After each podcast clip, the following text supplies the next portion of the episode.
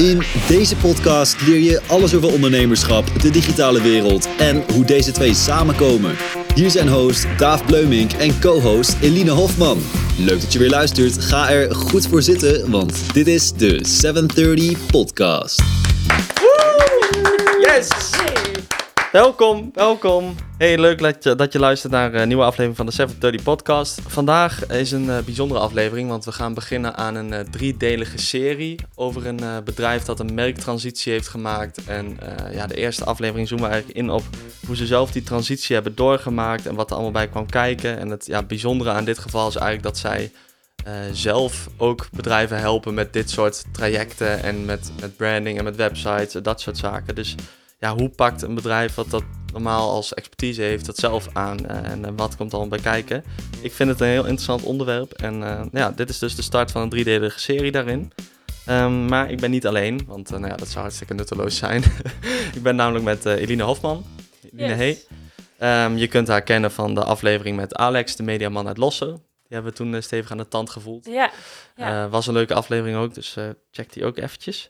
Ehm, ja, Eline, jouw rol hierin is bijzonder. Maar ik denk dat we daar zo meteen even op in gaan zoomen. Eh, Eline is een storyteller waarmee ik vaak samenwerk eh, in projecten. En eh, ja, zij verzorgt de textuele kant van, van, van webprojecten. Ehm, dus ja, leuk dat ik weer mag Ja, aansluiten. leuk dat je er bent. ik denk dat het een hele bijzondere dynamiek gaat geven aan dit gesprek. Want we zijn hier namelijk met Nick Ebbers van ja, Ebbers Media, Vervent. Ehm, ja, Ebbers Media is naar Vervent gegaan. Waar beginnen we?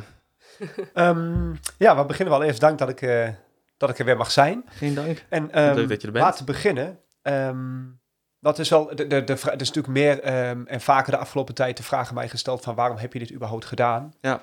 Een merktransitie. Omdat je hier in de regio, eh, de naam Ebbers Media, best wel bekend is. We bestaan eh, ruim 16 jaar.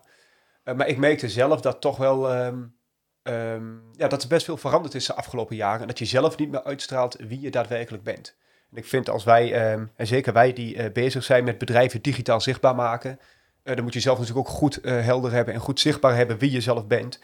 En ehm, ik vond dat dat beter komt en, en, en anders moest. Dus vandaar de transitie. Oké, en, en waar komt dan de naam Vervent vandaan? Wat, wat, wat betekent dat voor jou en, en voor jullie? Nou, Vervent Digital. Vervent staat voor vurig en gepassioneerd. En ehm, iedereen heeft wel een, iets waar die een, een Vervent ehm, een liefhebber van is. Het staat voor vurig gepassioneerd, dus voor liefhebberij. En ehm, iedereen is wel ergens liefhebber van. En eh, we kwamen erachter dat ehm, al onze klanten, dat is wel goed, eh, goed om even erbij te vertellen, al onze klanten waarvoor we werken, we hebben natuurlijk ook veel met klanten gesproken hierover, die willen uiteindelijk allemaal groei. En dat kan zijn groei in omvang van het bedrijf, het kan zijn dat je nieuwe collega's zoekt, het kan ook persoonlijke groei zijn. Groei heeft natuurlijk vele vormen. En we merkten dat ehm, de best mogelijke groei gerealiseerd kan worden als je dat doet eh, met liefhebbers. Dus als je van jouw klanten of je collega's liefhebbers weet te maken, dan behaal je de meest duurzame groei. Dus vandaar dat we dachten van, ehm, ja, dat sluit wel aan bij vervent en bij gepassioneerd en vurig en ergens voor willen gaan. Dus de naam is vervent en de slogan is dan ook uh, de liefhebbers die groei creëren.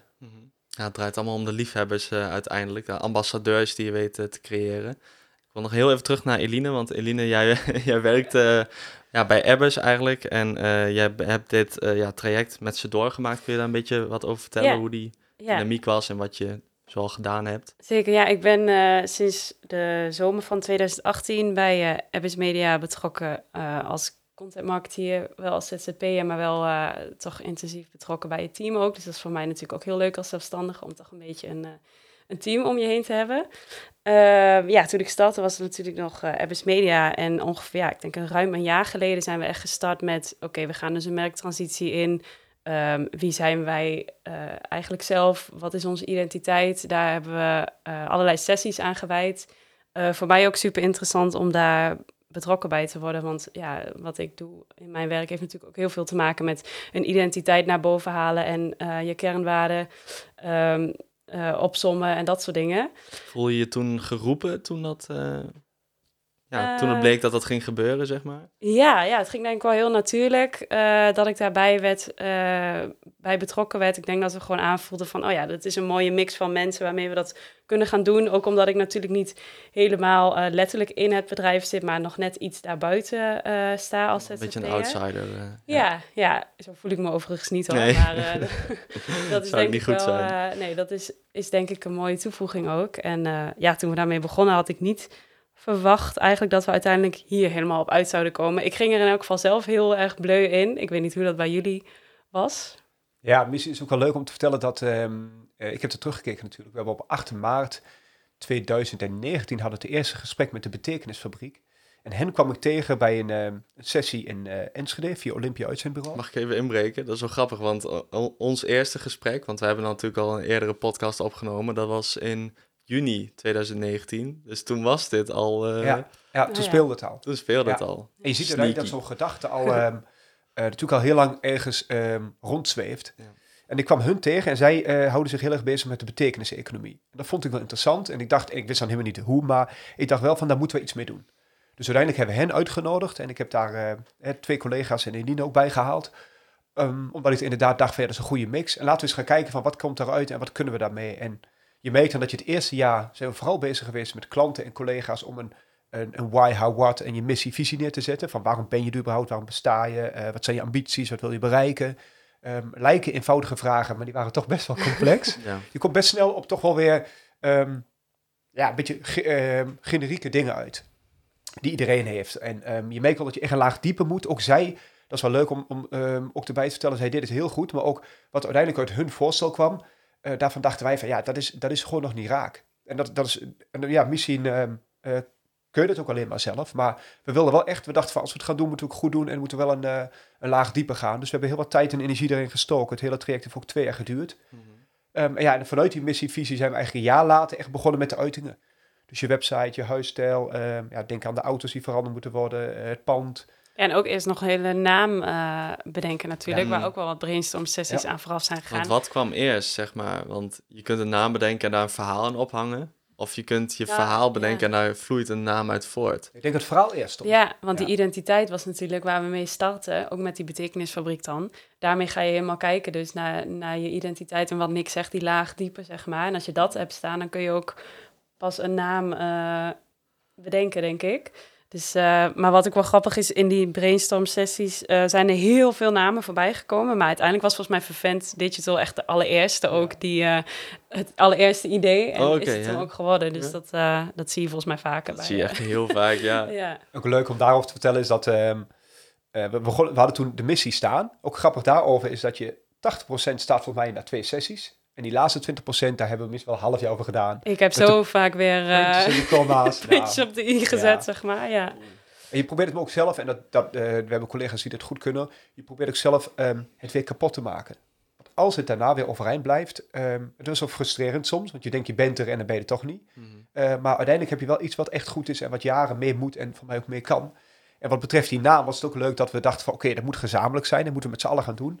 Dus iedereen mocht ehm, suggesties doen. Voor mij hadden we wel ergens 200 namen zo'n beetje staan. En dan hebben we gewoon wat avonden gepakt met pizza erbij. En eh, allemaal namen met post-its. En we hebben groepen verdeeld. Dat iedereen eh, zijn voorkeur kon maken. En uiteindelijk weer samenvoegen. En daar kwamen wel 200 namen uit. En ook in meerdere sessies. Maar inderdaad, wat Eline al zei. Eigenlijk had je misschien eh, na de eerste sessie, na een paar uur, hadden we al te pakken. Maar dan wil je toch nog doorgaan. En uiteindelijk kom je toch heel tijd op terug. Ja, blijft toch dat dat, dat, dat het dan moet zijn. eh, zijn gewoon vervent. Ja, mooi, ja, maar, ja, dat zie je zo vaak, dat dat eerste idee, dat, dat wordt hem gewoon Ja. uiteindelijk ook. Maar je wil toch niet meteen eh ja, ervoor settelen, zeg maar. Je wil wel zeker weten dat je het beste hebt, natuurlijk. Ja. Nou, dat is wel grappig om te En we horen. hebben die ook, ehm, ook om ehm, in te gaan van hoe test je zoiets nou. We hebben het ook gewoon bij klanten getest. Hè, dat we dus een eerste versie hadden. En die hebben we gewoon bij klanten in gesprekken gewoon eens neergelegd. En wat zijn jouw eerste associaties? Ook een goede tip voor mensen die hiermee aan de slag gaan. Dat je, ehm, als je erover twijfelt, leg het gewoon eens bij buitenstaanders neer. En we hebben ze ook uitgeprint verschillende namen. En die hebben we hier op kantoor gehangen. Dus zodat collega's aan konden wenden en kijken van wat spreekt mij aan. En die mochten ook hun stem weergeven. Dus we hebben er echt de tijd voor genomen. Het hoeft ook niet uh, mogen gereed. En we wilden het echt goed doen. En ehm, Ja, ja, dan moet je de tijd geven. ik ben wel benieuwd eigenlijk, want waar kwam dan de identiteit vandaan? Want je, zeg maar, eerst heb je Abyss Media. Nou, dat is een logisch vervolg van je achternaam en eh, wat je doet. zeg maar. En daar zat ook al wel een soort van identiteit in. Nou, en dat kwam gewoon echt van, van, vanuit jou als persoon, denk ik. En, en je vader misschien. En ik weet niet hoe dat toen... Ik doe wat aannames nu hoor, maar hoe, hoe, hoe, hoe, hoe doe je dat, zeg maar? Want waar komt die identiteit vandaan? Is het dan, borduur je voort op wat je al met Abbas Media hebt? Of, Nou, wat ik denk zelf, ehm, ik denk dat ehm, er is een reden waarom klanten voor jou kiezen. En er is ook een reden waarom mensen bij je komen. En is ook waarom collega's hier werken. En eh, het punt is alleen dat je heel vaak zelf niet kunt zien ehm, wat die reden is. Dus ik denk dat heel veel bedrijven of mensen ehm, iets zijn, of dat bepaalde connecties met mensen ontstaat, eh, of dat je met iemand een klik hebt of niet. Maar het is heel moeilijk te benoemen waarom dat is. En ik denk dat we dat vooral ehm, zichtbaar hebben gemaakt bij onszelf. Dus ik denk dat het al veel langer was. En het, leuke is denk ik ook wel dat alles hier, wat er nu uit is gekomen, dus wie wij nu zijn, dat het ook gedragen wordt door iedereen, omdat het ook daadwerkelijk eh, je DNA is. Het is alleen de vraag van eh, hoe krijg je je eigen DNA zichtbaar? Dat is best moeilijk bij jezelf. hmm, Dus ik denk, antwoord op je vraag, Apples Media was natuurlijk gewoon je achternaam en eh was, ja, was een ma- makkelijke koppeling. Er zat ook op het begin niet echt een visie achter. Het was gewoon aanpakken en doorgaan, zeker de eerste jaren. En dan groeit dat en dan vormt zich dat en je trekt mensen aan, je ontwikkelt een bepaalde cultuur in het bedrijf. Die denk ik gewoon op een natuurlijke manier ontstaat. En ik denk dat we nu gewoon zichtbaar hebben gemaakt eh, wat dat is en waar dat voor staat. Ja, want jij gaf op een gegeven moment ook aan van... ik vind het eh, soms lastig als eh, mensen vragen van... waarom kiezen klanten voor jou? Op een gegeven moment dacht je, ja, hoe, hoe omschrijf ik dat eigenlijk? Waar, waar zit hem dat eigenlijk in? Dat heeft je toch ook een beetje aan het denken gezet over... richting Vervent Digital gaan. Dat je Ja. daarover na wordt gedacht als je zulke vragen krijgt. Ja. is moeilijk. Zeker als je dan eh, bijvoorbeeld een pitch, eh, stel je, je komt bij een ondernemersvereniging of je zit ergens, het kan ook op een verjaardag zijn hoor. En iemand vraagt je van, en, en dus echt een goede vraag stellen is bijvoorbeeld van, eh, ja, waarom besta je überhaupt? En waarom zou ik voor jou moeten kiezen en niet voor de concurrent? Hè? Die zijn er voldoende hier. Ehm, ja, en dan is het best wel lastig. En het antwoord dat je dan gaf of geeft, is vaak wel eh, ook generiek. En dan denk ik van, ja, die kunnen op iedereen. eh, als je hem zou kopiëren bij de, bij de buurman, dan klopt die ook. Dus ehm, ja, dat, dat vond ik, daar vond ik, nam ik zelf in ieder geval geen genoegen mee. Ik denk, als we iets moeten neerzetten, dan moet het ook staan. Moet ook echt bij ons passen en we moeten er jaren mee vooruit kunnen. Ik gaat dat ook knagen op een gegeven moment, hè? Als Ja. je dat niet kunt beantwoorden, denk je van ja, Ja. shit. En ook zo'n transitie kost natuurlijk veel tijd, energie, ook geld. Eh, dus ik denk, als we dat doen, moet het gewoon goed zijn. En ehm, dan nemen we daar de tijd voor. En, eh, ja. Maar zeker die vraag, eh, als die gesteld werd, dan dacht ik wel bij mezelf van ja, het antwoord dat we nu geven vind ik, nou, dat is niet, niet raak. Was dat dan ook de katalysator voor dit traject, zeg maar? Dat je had besloten van ja, dit moet nu wel echt anders. Ja. Dat soort vragen. Ja. En ik denk ook, ehm, we zien heel veel bedrijven om ons, om ons heen. En ik bezoek natuurlijk dagelijks, nu hè, wat minder fysiek, maar dagelijks bedrijven die bezig zijn. En ze, en ze komen vaak ook bij ons dat ze zeggen van, we weten eigenlijk helemaal niet wie we zijn. Of we vinden het heel moeilijk om onszelf eh, te positioneren. En dat verandert natuurlijk ook, die wereld. En zelf verander je, de wereld om je heen verandert. Dus die vraag kregen we heel vaak. En toen dachten we ook van, kijk, wij zelf moeten dat gewoon heel goed hebben staan. Zodat anderen daar ook een eh, voorbeeld aan kunnen nemen. En ook geïnspireerd kunnen raken door een eh, goede identiteit. Hmm. Dus we willen Ja. ook een voorbeeld geven. Ja, want je maakt het zo heel tastbaar van wat de waarde er eigenlijk van is. Weet je wel, want je kunt wel vertellen, ja, als je een identiteit hebt, dan heb je iets om alles aan op te hangen en al je vragen te beantwoorden, weet je, ik noem maar wat. Maar als je dan zelf het goede voorbeeld geeft, dan zien ze ook van, ja, het werkt. Dus dan neem ik dat advies maar van je aan, zeg Ja, maar. klopt. Ja. Ehm, en de naam, was dat dan ook de grootste uitdaging, denk je? Of is het zo dat, eh, ja, wat, wat, wat vormt voor jou in zo'n traject de grootste uitdaging? Ja, dat is een goede vraag. Ja, ik denk dat... eh, Wat was het allerlastigst? ja, ik denk zelf twee dingen. Dat ehm, uiteindelijk de, de, je missie-visie helemaal scherp krijgen. Dus die puntjes op de i, hè, waar eh Evelien ook een half jaar mee bezig is geweest. Dat is denk ik een lastige. En uiteindelijk ook een keuze maken voor de naam. Ehm, dat is ook wel lastig. Je krijgt ook niet iedereen op één lijn. Uiteindelijk hè, het is niet unaniem dat twintig man zeggen dat moet het worden.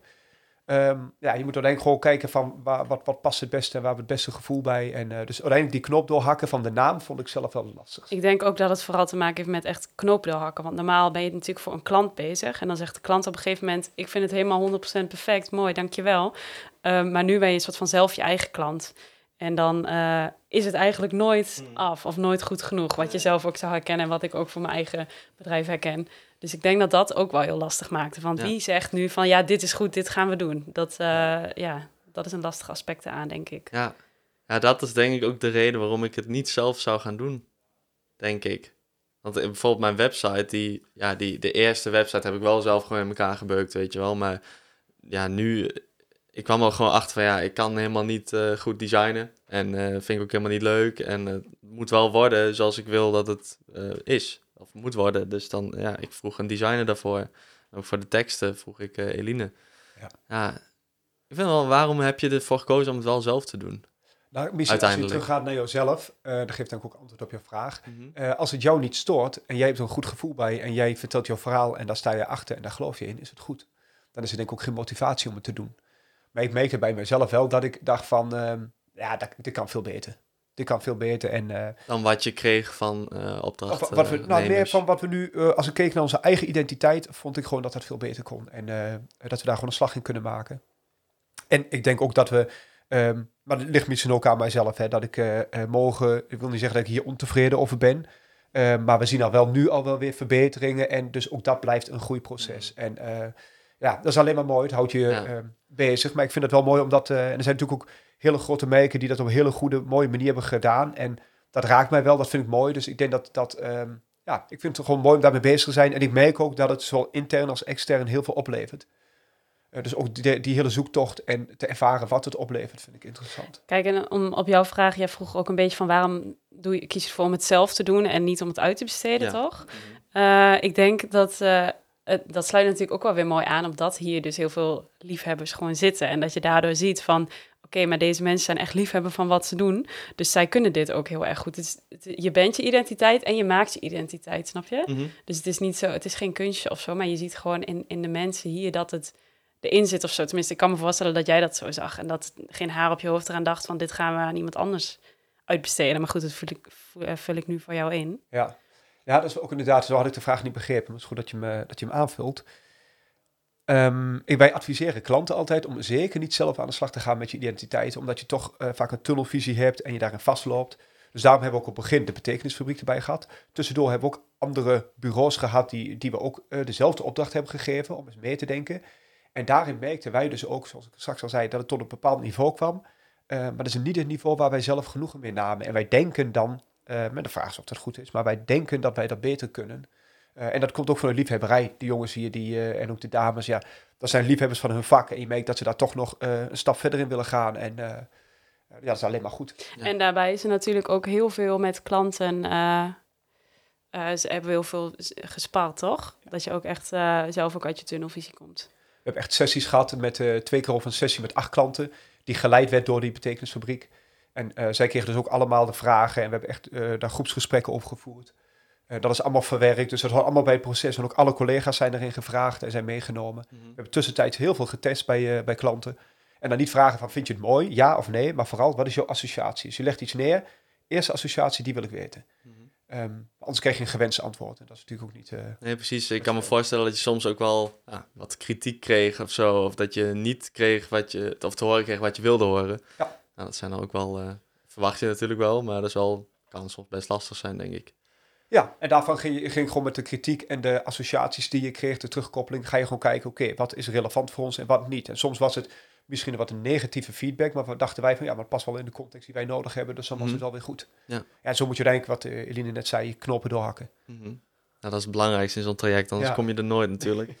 en waar begin je dan in zo'n traject? Want uh, ja, een avondje was je naar een verjaardag geweest en iemand vroeg je van, uh, ja, waarom besta je eigenlijk met je, met je Abbas Media? En jij dacht, ja, shit, generiek antwoord, het moet anders. Wat heb je toen gedaan? Nou, de eerste stap is inderdaad um, uh, gewoon eens, we hebben de betekenisfabriek erbij gehaald. We zijn gewoon op tafel gegaan met z'n allen van, um, vertel maar eens, wat doen jullie? En um, ze hebben ook voorbeelden laten zien van andere merken die dit hebben gedaan. En vanuit daar zijn we eigenlijk gewoon begonnen. Ook zonder verwachting om alles om te gooien. Tijdens het proces kwamen we eigenlijk pas tot de conclusie van... nou weet je wat, dan moeten we ook de naam veranderen... en moeten we gewoon alles opnieuw uh, neerzetten. Okay, want dan wist je initieel niet? Nee, dat was ook niet de, de intentie op okay. Nee, de intentie was gewoon vooral nog, nog onze missie, visie... waarom we bestaan, nog helderder maken. En op welk moment wist je dan van... oh, dan moet de naam ook uh, eraan geloven? Ik denk wel, voor mij persoonlijk in ieder geval... Uh, dat je er op een gegeven moment wel erg enthousiast over wordt... En wel denkt van ja, als je het doet, moet het gewoon een 10 zijn. En dan gaan we geen, uh, geen genoegen nemen met een 8. En dan moet je hem volledig doorvoeren. Ja. En dan moet alles uh, kloppen. Dan moet ook de naam kloppen bij je identiteit en bij je missie. En ook het gevoel, de kleuren. Alles moet, uh, alles moet op elkaar afgestemd zijn. En um, in hoeverre is de dienstverlening dan veranderd met je identiteit? En zo ja, waarom was dat nodig? Nou, iets wat wij de laatste jaren zien gebeuren. En ik weet... Um, ja, mensen weten ook waarom dat komt. Uh, de laatste jaren zien we vooral dat bedrijven vaker um, zich hardop afvragen, um, inderdaad, waarom bestaan wij? En um, waarom, moet, waarom kiezen mensen voor ons? En wie zijn wij nou eigenlijk? Dus dat soort vragen, daar komen steeds meer klanten komen dan meer bij ons. En wij merken dus ook dat projecten voorheen, als je, hè, ik, ik noem even vijf jaar geleden of tien jaar geleden een website bouwde, dan was het vaak, de klant komt bij ons, we willen een website en we gingen die website bouwen. En nu um, komen ze nog wel eens bij ons met de vraag, we willen een website of we willen een film.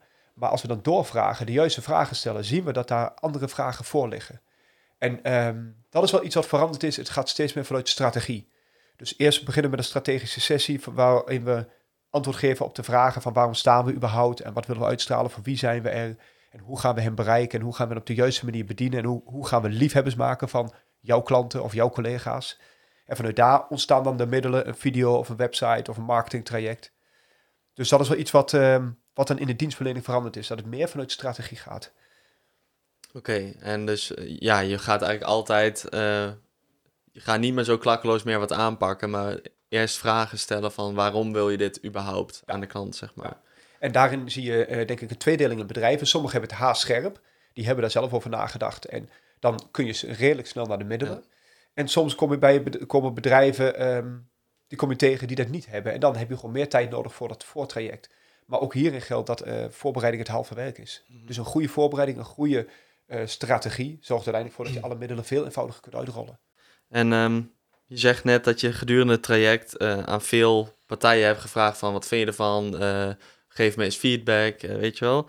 Um, ja, dat komt best wel over alsof je veel waarde hecht aan wat mensen ervan gaan vinden. Um, waar komt dat vandaan? En denk je dat het ten goede komt aan het resultaat? Of waarom heb je dat, waarom, ja, waarom heb je dat gedaan toen? Nou, een valkuil kan natuurlijk wel zijn dat je um, dus ook zelf die tunnelvisie hebt, die je waarschijnlijk al hebt. En dat je dus um, iets maakt wat alleen jij zelf begrijpt, maar een ander niet. En uiteindelijk maak je het wel voor die ander. Die ander moet, als ze ons zien of over ons lezen of onze website bezoeken of film bekijken, moeten die wel begrijpen wie wij zijn en wat we doen en waarom wij er zijn. Dus we hebben dat um, ook best wel selectief vooral neergelegd bij uh, wensklanten of wensprojecten. Uh, dus je moet het ook wel bij de juiste doelgroep testen. En uh, je gaat vooral af op hun feedback van wat, is, wat zijn hun reacties en wat komt er bij hun terug. Mm -hmm. En dat, daar hechten we dan wel waarde aan wat eruit komt. Want uiteindelijk maak je het voor hen. Zij moeten ons... het is fijn dat wij het begrijpen, maar zij zouden het in de inlogopslag ook moeten begrijpen. Mm -hmm. En wat voor soort feedback kreeg je dan over het algemeen? En hoe, hoe, ga, hoe heb je dat verwerkt? Ja, was best wel wisselend. We kregen verschillende ja, verschillende reacties terug. En wat we vooral hebben gedaan, we hebben verschillende mensen die feedback uh, laten verzamelen. Die hebben uiteindelijk gebundeld en van daar zijn we gaan kijken van oké, wat doen we met welke feedback. En je zag best wel overeenkomsten daarin. over het algemeen was het best positief hoor. Het is af en toe links of rechts iets bijschaven. Maar over het algemeen was het wel, uh, was eigenlijk wel direct raken. En denk ik wel dat we op de juiste manier zaten, in de juiste richting. Mm -hmm. ja. Heb je gedurende, of in deze transitie, in dit traject, heb je ook klanten verloren? Hebben klanten gezegd van nou, hier wil ik eigenlijk niet. Uh, dit zie ik niet zo gebeuren. Nee, dat gevoel heb ik niet. Ik heb niet het gevoel dat, uh, dat klanten zijn afgehaakt of daar uh, of verloren zijn. Ik denk wel dat dat. Um, niet dat dat gaat gebeuren. Maar ik kan me wel voorstellen dat bepaalde klanten zouden zeggen: Oh, dit, hier voel ik me minder mee verbonden. Want ik zoek wel echt gewoon die eenvoudige website of. gewoon dat product, hè, wat nog steeds kan natuurlijk. Mm -hmm. um, maar ik verwacht vooral dat je um, meer mensen gaat aanspreken. En niet alleen klanten, dus, maar ook collega's. Ja, en we hebben natuurlijk ook uh, een heel lanceringsplan gemaakt om uh, überhaupt Vervent Digital uh, de wereld in te, te gooien, laat maar zeggen. En daar hebben we ook heel goed over nagedacht van hoe kunnen we daarbij de, de klanten zeg maar ook de primeur geven. dus het is misschien ook wel leuk om te vertellen hoe we dat een beetje hebben aangepakt. Jij hebt volgens mij zelf ook de kaart in handen gehad. We, hebben, mm. zijn begonnen ja, oh ja. als eerste stap met een aanzichtkaart eigenlijk, een anonieme aanzichtkaart. En er stond op, wij zijn liefhebber van jou. En achterop stond een, uh, een persoonlijke boodschap uh, waarom wij uh, liefhebber zijn van een betreffende klant. en daarmee, ja, met dat soort dingen hebben we echt wel ons best gedaan om de klant ook heel erg die waardering te geven die, die, die gevoeld wordt, zeg maar, richting de klanten. Want zij, wij zijn gewoon ook echt oprecht liefhebben van de klanten. En uh, we zijn... Om hoeveel kaarten ging dat toen dan? Ja, we hebben uh, volgens mij met de hand 200 kaarten geschreven, als ik, uh, als ik het goed heb. En dan nog een aantal gedrukt ook. Maar ja, dat was een lekker middagje met pen, oh, ja. pen en papier aan de slag.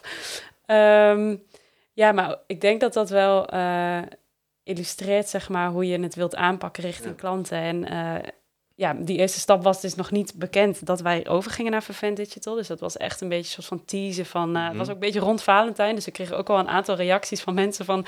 Oh, ik kreeg al bijna ruzie thuis, eh, Ja. omdat ik een anonieme liefdesverklaring kreeg. Eh, maar dat heeft wel ook al een en ander teweeg gebracht. En eh, ja, ik denk dat dat ook wel onderstreept dat je rekening houdt met je klanten. Mhm. Om het zo maar even te zeggen. Oké, en toen eh, begonnen met de aanzichtkaart. En hoe ging het Ja. traject toen verder? Ehm, de aanzichtkaart. En toen, eh, twee weken later, kwam eigenlijk ook exclusief nog voor de klanten eh, een nieuwsbrief en een WhatsApp-bericht om echt al duidelijk te maken van ja, wij gaan over naar Vervent Digital. Toen was het nog niet voor het grote publiek bekend, maar dus puur voor de klanten. Mhm. Daar eh, kwamen al heel wat eh, leuke reacties op. Eh, dat hebben we trouwens gedaan met een persoonlijke videoboodschap voor elke klant. Dus die kreeg een linkje in zijn mailbox met een link naar de nieuwe website van Vervent Ja. Digital. En ehm, een persoonlijke videoboodschap die echt, nou ja, precies uitlegt waar Vervent voor staat. Mhm. Ook al, ja, leuke reacties, goede reacties ook al op gekregen. En toen, twee weken later, als, het, als ik het goed zeg, ehm, dat was dus op 9 maart, eh, afgelopen Oh ja, week, eh, werd het ook echt voor het grote publiek bekend. En hebben we op social media en, eh, inderdaad berichten geplaatst en persberichten verstuurd. En hier buiten het pand echt de vlaggen opgehangen en gewoon de hele signing aangepast. Ehm, Mhm. toen was het algemeen bekend, maar dan zie je wel dat er echt een aanloop is geweest van eerste klanten exclusief, eh, videoboodschappen en daarna het grote publiek. En hoe, hoe ben je zo to- tot dat plan gekomen? Wat, eh, wat heb je daarvoor eh, besloten? En eh, dacht je gewoon van, oh, dit is een leuk idee, en dit is een leuk idee, en dit is een leuk idee, en dat samen? Of zat er een soort van gedachtegang achter van... Nou ja, je ziet, eh, dan komen we terug op de liefhebbers die we hier hebben zitten. Dat is natuurlijk ons vakgebied. Dus we hebben samen een contentkalender gemaakt en een marketingplan. En de, daar hebben we gewoon, we hebben onszelf de vraag gesteld ook van hoe zorgen we ervoor dat onze boodschap goed landt bij onze klanten. Wat is daarvoor nodig? Hoe vaak is daar iets voor nodig? Wat gaan we dan vertellen? Hoe gaan we dat aanpakken? En ook natuurlijk vanuit bepaalde marketinggedachten wil je niet eh, één keer zichtbaar zijn, maar willen we dat verdelen over een aantal touchpoints. En ehm, zo hebben we uiteindelijk zes stappen die we gaan, eh, ehm, ja, gaan doorlopen. Eh, en we hebben echt per stap bepaald van wat gaan we vertellen en wat is daarna nodig en hoe gaan we dat doen. En dat hebben we met een team van eh, vier, vijf personen gedaan. Ehm, en vervolgens alle middelen daarvoor uitgewerkt. Dus goed voorbereid. En dan is het uiteindelijk ook eh, alleen maar een kwestie van uitrollen. Ehm, ja. En de 9 maart, zeg maar, het moment van lancering, zat daar ook nog een gedachtegang achter van, oh, dit is een goed moment? Of was het gewoon van, nou, nu zijn we eigenlijk wel klaar ermee en nu moet het echt eh, eruit? Ja, het, ja, Nou ja, dat is ook wel gewoon helemaal in een planning natuurlijk opgenomen. Ja, ja, ja. Eh, in 9 maart, misschien wordt het wel eh, de dag van de liefhebber. Wie zou het zeggen? Nee, maar dat is, eh, maken. ja, nee, dat is wel eh, eh, wat ik net al zei met die, met die stappen steeds twee weken ertussen, weet je wel. En dan uiteindelijk 9 maart eh, voor het grote publiek live. Dat, ja, dat hebben we wel zo, eh, zo uitgedacht. Het was al wel Ja. een paar weken, maanden bekend dat dat de datum zou zijn. Dus eh, ja. naarmate die dag dichterbij kwam, werd ik zelf ook wel een beetje zenuwachtiger, omdat alles qua content natuurlijk Mhm. ook helemaal goed moest staan en zo. Dus het was een mooi eh, moment om naartoe te werken. Ja. En was het stressvol of... eh, nou ja, ja, op zich het ligt er natuurlijk aan hoe je in elkaar zit. maar ik weet wel dat Leonie, eh, een collega hier en ik zaten wel vaak met, met z'n tweeën te appen van... Oh, heb je ook stress? Ja, ik ook. Oh, die mannen die lijken nergens last van te hebben. Dus dat eh, was wel grappig. Ik denk dat zij ook best wel wat stress hebben ervaren, maar laat het gewoon minder zien. precies. In Ja, de nee. voorbereiding op deze podcast en met het gesprek met Nick, zei Nick dat hij nergens last van had. Nee, maar dat is wel, ook wel grappig om te vertellen, want die vraag heb ik natuurlijk vaak gekregen. Zeker omdat je dan eh, na 16 jaar afscheid neemt van iets. Ehm, dus moet ik zeggen dat ik in het hele traject eigenlijk nergens het gevoel had van, nou, dat vind ik, ik vind het alleen maar leuk. Dus ook oprecht geen eh, stress ervaren heb. Maar toch op de dag zelf dat wij naar de klanten alle appjes gingen eh, sturen, had ik in mijn hoofd nog van, nee, ik vind het helemaal niet erg en dit doet me niks. Maar ik merkte lichamelijk wel dat ik, eh, dat ik daar stress van had. Dus Ja. goed luisteren naar mijn lichaam. Maar die gaf al wel aan dat dit wel, daar me- merkte ik wel stress op. Dat was wel een Dus, dingetje. eh, ja, er zit toch blijkbaar wel iets. Terwijl ik eh, voor mezelf dan rationeel dat wel weet, eh, weet weg te werken. Mhm, Maar ja, het doet dan toch wel iets met je. Ja. mhm, Ja, en vooral de spanning, denk ik, dat dat het was van hoe gaan mensen erop reageren. mhm. Dat is het, ja. Je hebt er zo lang aan gewerkt en het is dan best wel een grote stap voor jezelf. Dat je dan wel eh, benieuwd bent van ja, wat worden de reacties uiteindelijk? Mhm. En wat, eh, wat vond je vader ervan, dat eh, zijn Ebbers media van de gevel getrokken werd? Ja, minder leuk. Ja, we hadden Ja. nog gevraagd. hè, collega, collega Leonie, die veel voor de signing heeft begeleid, die moment moest er een logo verwijderd worden. Maar Frans, mijn vader, gaf aan, dat doe zelf maar, want ik ga mijn eigen werk hier niet, ja. Die kapot zit te maken. Nee, die vindt dat wel jammer. En, eh, maar anderzijds eh, begrijpt hij dat ook. En Ja. ik bedoel, eh, En je moet toch de verder- wereld draait door. Ja. En dingen veranderen. En dit is voor ons weer een mooie nieuwe stap. En we kijken terug op hele mooie, een hele mooie tijd en 16 mooie jaren. Mhm. Het is nu gewoon weer een volgende stap. Ja, mooi. En, en wat zijn dan ehm, de grootste lessen voor jullie geweest die je uit het traject hebt getrokken tot nu toe? Nou, voor mijzelf, ehm, wat ik eh, om me heen zie, is dat het vooral, en dan pak ik het, kijk, extern is nog even de vraag, hè, dat, dat moet nog een beetje landen en daar eh, nu, tot nu toe alleen maar leuke reacties van klanten. Maar wat het daadwerkelijk oplevert, is iets dat je moet gaan ervaren de komende jaren. Maar wat ik intern vooral zie, is dat, ehm, dat vooral, het geeft mensen weer nieuwe energie. En het geeft ons, en je gaf net al aan, eh, die kapstok, die liefhebberij, daar kun je heel veel mee doen intern. En wat ik bijvoorbeeld nu al zie, is dat ehm, we hebben onszelf een format opgesteld en dat loopt al een tijdje waarin we de verschillende personen hebben. We hebben hier natuurlijk UX-designers, we hebben marketeers, eh, videografen. We hebben de verschillende afdelingen, noem ik maar even, ook gevraagd van... ehm, wat kunnen jullie eraan doen om liefhebbers te maken van jullie klanten? Maar ook wat kun je eraan doen om liefhebbers te maken van je collega's? En wat kan Vervent eraan doen om... zodat jij liefhebber wordt van Vervent? Dat zijn echt drie centrale vragen. En dat doen we in plaats van voortgangsgesprekken of functioneringsgesprekken... hebben we liefhebbersgesprekken. En zij gaan zelf op papier zetten en uitzoeken en plannen maken over hoe zij meer liefhebbers kunnen creëren binnen hun eigen afdeling. En ik zie nu al dat daar hele mooie initiatieven uitkomen. En nogmaals, dit loopt al wel een tijdje hoor. Dit hebben we al een tijdje geïnitieerd op deze manier. En je merkt dat collega's gaan ondernemen in een onderneming. En dat is uiteindelijk wat ik ook eh, Hm. zou willen. Ehm, we hebben natuurlijk een hele platte organisatie. Dat kan ook met het aantal personen dat hier zit. Maar je wilt vooral dat mensen de beste versie van zichzelf worden. En ik denk dat we ook de identiteit daar heel erg aan bijdraagt. Dat mensen weten dat, ze, dat we gezamenlijk een soort van droom hebben waar we naartoe kunnen werken. En waar we eh, waar een stip aan de horizon waar we naartoe gaan. En je merkt dat ehm, het iedereen energie geeft en iedereen op zijn eigen manier aan bij kan dragen. En dat was voorheen was dat minder. En ik denk om ehm, een natuurlijke groei te halen, ook zelf als organisatie, is het gewoon heel fijn en belangrijk om dat te hebben. Mhm. Je merkt dat mensen daar ehm, energie uithalen. En ik zie nu aan alle kanten al dat dat gebeurt. En ik kreeg vorige week nog een, eh, een mailtje van een collega die dan een goed project had afgerond. En die klant die was helemaal vol lof over hem. En dat hij mij doormailt, ehm, en die reactie stuurt er door en dan zet hij bij van, hey Nick, ik heb weer een eh, liefhebber gecreëerd. Kijk, dat zijn natuurlijk leuke dingen. Dat is ook Mhm. wat je wilt bereiken. En eh, dat er dus echt gedragen wordt en iedereen zijn best doet om eh, liefhebbers te creëren. Ja, dat, Dat, is wel denk ik ja. het mooiste wat het to- ons tot nu toe heeft opgeleverd. Mhm. ja.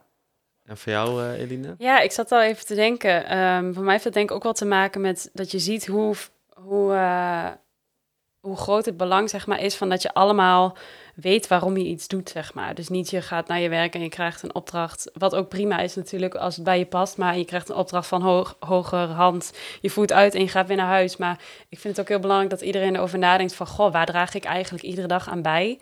Ja. Ja, ja en, en dat sluit natuurlijk heel mooi aan op wat Nick zegt. Dat iedereen de verantwoordelijkheid ook gewoon heel erg voelt en neemt. En gewoon deel wil uitmaken van dit geheel. En echt voelt van oké, hiermee kunnen wij eh, van betekenis zeg maar, zijn. Zonder dat je gewoon, eh, om het maar even simpel te zeggen, een website oplevert en een video maakt. Ik denk dat dat iedereen echt veel meer energie geeft. En dat dat ook gewoon ehm, misschien wel een beetje kan uitstralen richting klanten ook. Dat zij daar Mm. zelf ook over na gaan denken van... goh, hoe- hoe zijn wij eigenlijk bezig met liefhebberij binnen onze eigen organisatie?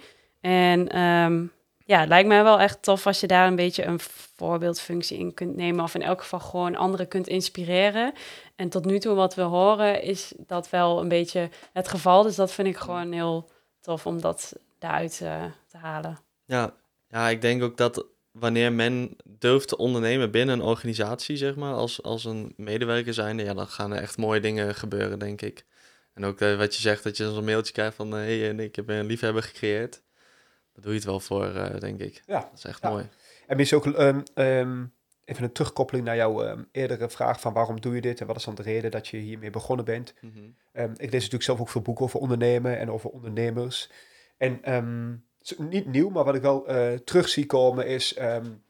ik zag laatst nog een filmpje van Simon Sinek en dan ging het over dat er vaak gezegd wordt... klanten moeten op nummer 1 staan. En hij zegt, nee, niet klanten, maar mensen moeten op nummer 1 staan. En dat is ook iets waar ik heilig in geloof. En ehm, ik merk dus ook dat wat dit doet voor je organisatie... is dat je ook eh, dat mensen veel beter, ook toekomstige collega's... het is nu heel lastig om goede collega's te vinden. En je, ik, ik sprak laatst iemand en die gaf aan van het is op dit moment zo dat de werkgever solliciteert bij de werknemer. Ja. Ehm, en daar geloof ik ook wel in. En Mm. ik spreek ook veel mensen. Hè, ik ben natuurlijk zelf ook al aan het rondkijken naar nieuwe collega's. En als ik dan mensen spreek, dan geven ze aan in sommige gevallen van... Nou, ik zit op dit moment bij een organisatie waar ik echt van betekenis kan zijn. Waar ik echt iets kan toevoegen aan de wereld. En wat dat dan ook is. En ehm, dat is voor hun echt de motivatie om ehm, daarop door te gaan en daarin, eh, daarin verder te gaan. Dus daarom denk ik dat het heel belangrijk is als, als bedrijf dat je ook weet waarvoor je staat en wie je bent. En dat je een gezamenlijke droom hebt. En het kan ook betekenen dat bepaalde collega's nu misschien wel zeggen van ja, maar dit past niet bij mij. Dat kan ook. Eh, maar dat je ook in de toekomst collega's krijgt die juist graag hier willen werken. Mm. Omdat je iets hebt dat, dat met hun gedeeld wordt. Ja, je zij zet een stip aan de eh, horizon natuurlijk. eh, Ja. Daar kun je allemaal naartoe werken. Ja. En dat wil je dan ook. Ja, dus ik denk dat het voor bedrijven ook heel belangrijk is. Ehm, ik merk in ieder geval ook de laatste jaren dat er veel meer bedrijven bij ons komen. Niet zozeer om nieuwe klanten te werven, maar vooral om nieuwe collega's te werven. Mm. Om weer die groei te kunnen maken. En dan is het heel belangrijk dat iemand die jou aan de buitenkant ziet, dus jou nog niet kent, maar digitaal ziet, dat je digitaal zichtbaar bent, dat dan wel duidelijk is wie jij bent en waarom je er bent. Mhm. En dat is ook de reden, denk ik, waarom wij, eh, een van de redenen ook waarom wij dit, eh, dit traject ook hebben gedaan. Ehm, ja, ik denk om het mooi samen te vatten, eh, is deze vraag wel, wel goed. Ehm, ja, waar wil je naartoe met Vervent? Wat, wat wordt de nieuwe focus en waarom? Nou ja, je kunt het in principe afleiden van alles wat al gezegd is, maar wat, waar wil je naartoe met Vervent? En wat is, wat is de focus? Het zou gewoon mooi zijn, denk ik, dat we met z'n allen ehm, ja, meer liefhebbers gaan creëren. Omdat ik denk dat, dat wat, wat we ook om ons heen zien, is dat heel veel ehm, bedrijven, als je uiteindelijk die duurzame groei wilt realiseren, eh, daar, daar kun je trucjes voor inzetten. Dat kan enerzijds trucjes. Trucjes werken alleen vaak maar op korte termijn. Als je stopt met het trucje, ehm, ja, dan vervalt vaak ook het resultaat. Dus om een, op een duurzame manier groei te creëren, eh, zijn die liefhebbers gewoon heel belangrijk. En is ook een andere mindset nodig in het werken met je klanten en voor je klanten. En ehm, ja, het zou mooi zijn dat we samen eh, meer liefhebbers gaat, gaan creëren. Dus dat is wel hetgeen wat we, wat we graag willen bereiken. En heb je ook een concreet doel gesteld van bijvoorbeeld, eh, nou ja, nu zijn we met Vervent, eh, de Vervent-weg ingeslagen, zeg maar. Over vijf jaar wil ik sowieso dit en dit. Nou, ik zal je zeggen dat het, het eerlijke antwoord is dat we geen concrete... eh, we hebben een groeiplan. Hoeft Als je gaat, gaat kijken naar de afgelopen vijf jaar, hebben we al die tijd, zijn we bijvoorbeeld met 15% gegroeid op een natuurlijke manier. En ik geloof ook wel in die natuurlijke manier. Dus het is niet dat we, ehm, als je gaat kijken naar omvang, eh, eh, toevallig eh, begint er eh 12 april begint weer een nieuwe collega. Eh, en we zoeken wel daarna weer eh, eh, ook weer een extra collega. Dus er zit wel een groei in, maar die gaat altijd wel op een natuurlijke manier. Mhm. Dus wat dat betreft eh, willen we dat ook zo houden. We kijken vooral denken naar wat is er nodig ehm, in deze wereld, in onze wereld. En op basis daarvan, eh, daarin varen we mee. En ik denk ook dat dat soort dingen, maar dat is een- mijn persoonlijke manier van eh, hoe ik er naar kijk. Ja, ik voel me gewoon prettigst bij die natuurlijke groei. En wil dat niet geforceerd doen. En het gaat zoals het gaat. En, eh en volgens nog is dat altijd eh, een groei geweest de afgelopen jaren. Dus ik verwacht ook dat dat wel blijft. Eh, maar we hebben niet een ehm, vastgegeven waar we naartoe moeten in, die, in, in vormen van cijfers. Mooi. Nee, het is ook wel mooi om meer een missie van te hebben, want dan kun je mee bezig blijven, weet je wel. Dat is gewoon, daar Ja. doe je het voor. Ja. En ook als je terug gaat kijken, hè, de meesten die werken fulltime. Ja, je bent, je bent elke dag bezig met je werk. Hè, of vijf dagen in de week bezig met je werk. Dan is het wel mooi dat je iets doet waar je een goed, goed gevoel bij hebt. Ik denk dat dat nog belangrijker is. Dus eh, je persoonlijke groei en de beste versie van jezelf zijn en werkgeluk. Dat dat nog het belangrijkste is. En dat is, eh, ja, dat zien we in ieder geval nu wel dagelijks terug. En ik denk dat dat nog het, eh, het hoogste doel daarin is. Ja, want ik vind het ook wel een mooie eh, aanvulling nog. We hebben ook bij alle collega's eh, de vraag gesteld. Dat was al een tijdje eerder van, wat is werkgeluk voor jou? Omdat we dus toen ook al bezig waren met dat thema. En dat vloe- vloeit natuurlijk heel mooi voort uit het liefhebbersverhaal. Eh, en er kwamen hele, hele mooie antwoorden uit. En een van de antwoorden was ook, werkgeluk ehm, ja, is geen doel op zich. Ehm daar kun je een beetje zeg maar, vergelijken met bijvoorbeeld het doel waar jij net naar vroeg. Ja, ja. Maar eigenlijk gaat het erom wat je zeg maar onderweg eh, ervaart, weet je wel. Ja. Want je kunt wel altijd naar een doel toe werken en daar staan en weer naar de volgende stap gaan, wat ook goed is, want vooruitkijken is natuurlijk nooit verkeerd. Maar ondertussen gaat het altijd, denk ik, om eh, dat je onderweg gewoon eh, gelukkig wordt van wat je doet en eh, onderweg van betekenis kunt zijn. En ik denk dat dat ook wel goed past bij jouw eh, visie op natuurlijke groei en ehm, ja, het werkgeluk daarin meenemen. Ja, denk ik zeker. Ja, Het gaat om de reis. Jazeker. Ja. Ja, ja. Nou, het heeft twee jaar geduurd. Ehm, tevreden ermee allebei? Ja, nou ja, ik wel. Ik, eh, ik eh, ja, kan terugkijken op een hele leuke eh, lancering. En eh, ja, wel een kleine last van mijn schouders, moet ik zeggen. Maar het, eh, ja, ik ben super blij met, eh, met hoe het tot nu toe is gegaan. Ja. Jij ook trots, Nick? Ja, zeker. Ja, we hebben gisteren toevallig even uh, geëvalueerd. Toen uh, gaf ik een 8,8. Oké. dus dat is denk ik een heel net cijfer. Dat is geen 10, hè? Nee, maar gewoon ja, altijd wat uh, te wensen overlaten. Altijd, ja zeker. En er zit er wel een bepaalde groei in en dat blijft altijd, denk ik. En dat is hartstikke, hartstikke mooi. Maar als Ja. ik de reacties nu al zie en wat het ons intern eh, heeft opgeleverd... en ook wat ik wel verwacht dat het ons, eh, ons gaat opleveren, is dat alleen maar mooi. En wat Mhm. ik ook mooi zou vinden is dat eh, de gedachte... bij mij goed dat we die toepassen bij, bij onze klanten natuurlijk. Het zou mooi zijn dat je meer mensen kunt infecteren met, eh, eh, met je gedachten... en dat meer mensen eh, dat overnemen. En dat is ook iets wat we, wat we wel leuk zouden vinden, dat het meer verspreid wordt. Mhm. En ook daarvoor verwacht ik nu al wel, als ik dingen zie bij klanten die we doen, eh, dat het ook wel gaat gebeuren. Dus dat is ook wel een leuke bijkomstigheid. Mooi. Ja. Je gaat natuurlijk de echte resultaten pas de komende maanden eh, ervaren. Maar Ja. in ieder geval goed dat jullie nu zelf tevreden ermee zijn. En we zijn natuurlijk van het meten, weten en eh, Ja. optimaliseren. Dus daar gaan we zeker, eh dat laten we niet los. Goed zo. Ik denk dat we hem hierbij af gaan sluiten. Eh, heel erg bedankt voor jullie tijd. Ja, Vond een eh, Jij bedankt. leuk verhaal, geen dank. jij bedankt. Het is een driedelige serie, dus eh, nou ja, de volgende aflevering zoomen we verder in op eh, ja, de verschillende aspecten die bij een dergelijke transitie komen kijken. En eh, ja, we moeten nog even vaststellen wat dat precies wordt, maar eh, met deze cliffhanger laat ik jullie achter. Ehm, vond je het leuk? Laat het even weten op Apple Podcasts, mail ons een review eh, of gewoon een berichtje op de socials, is ook goed. En eh, dan eh, spreken jullie de volgende keer weer. yes, top. doei. Doei. Jullie.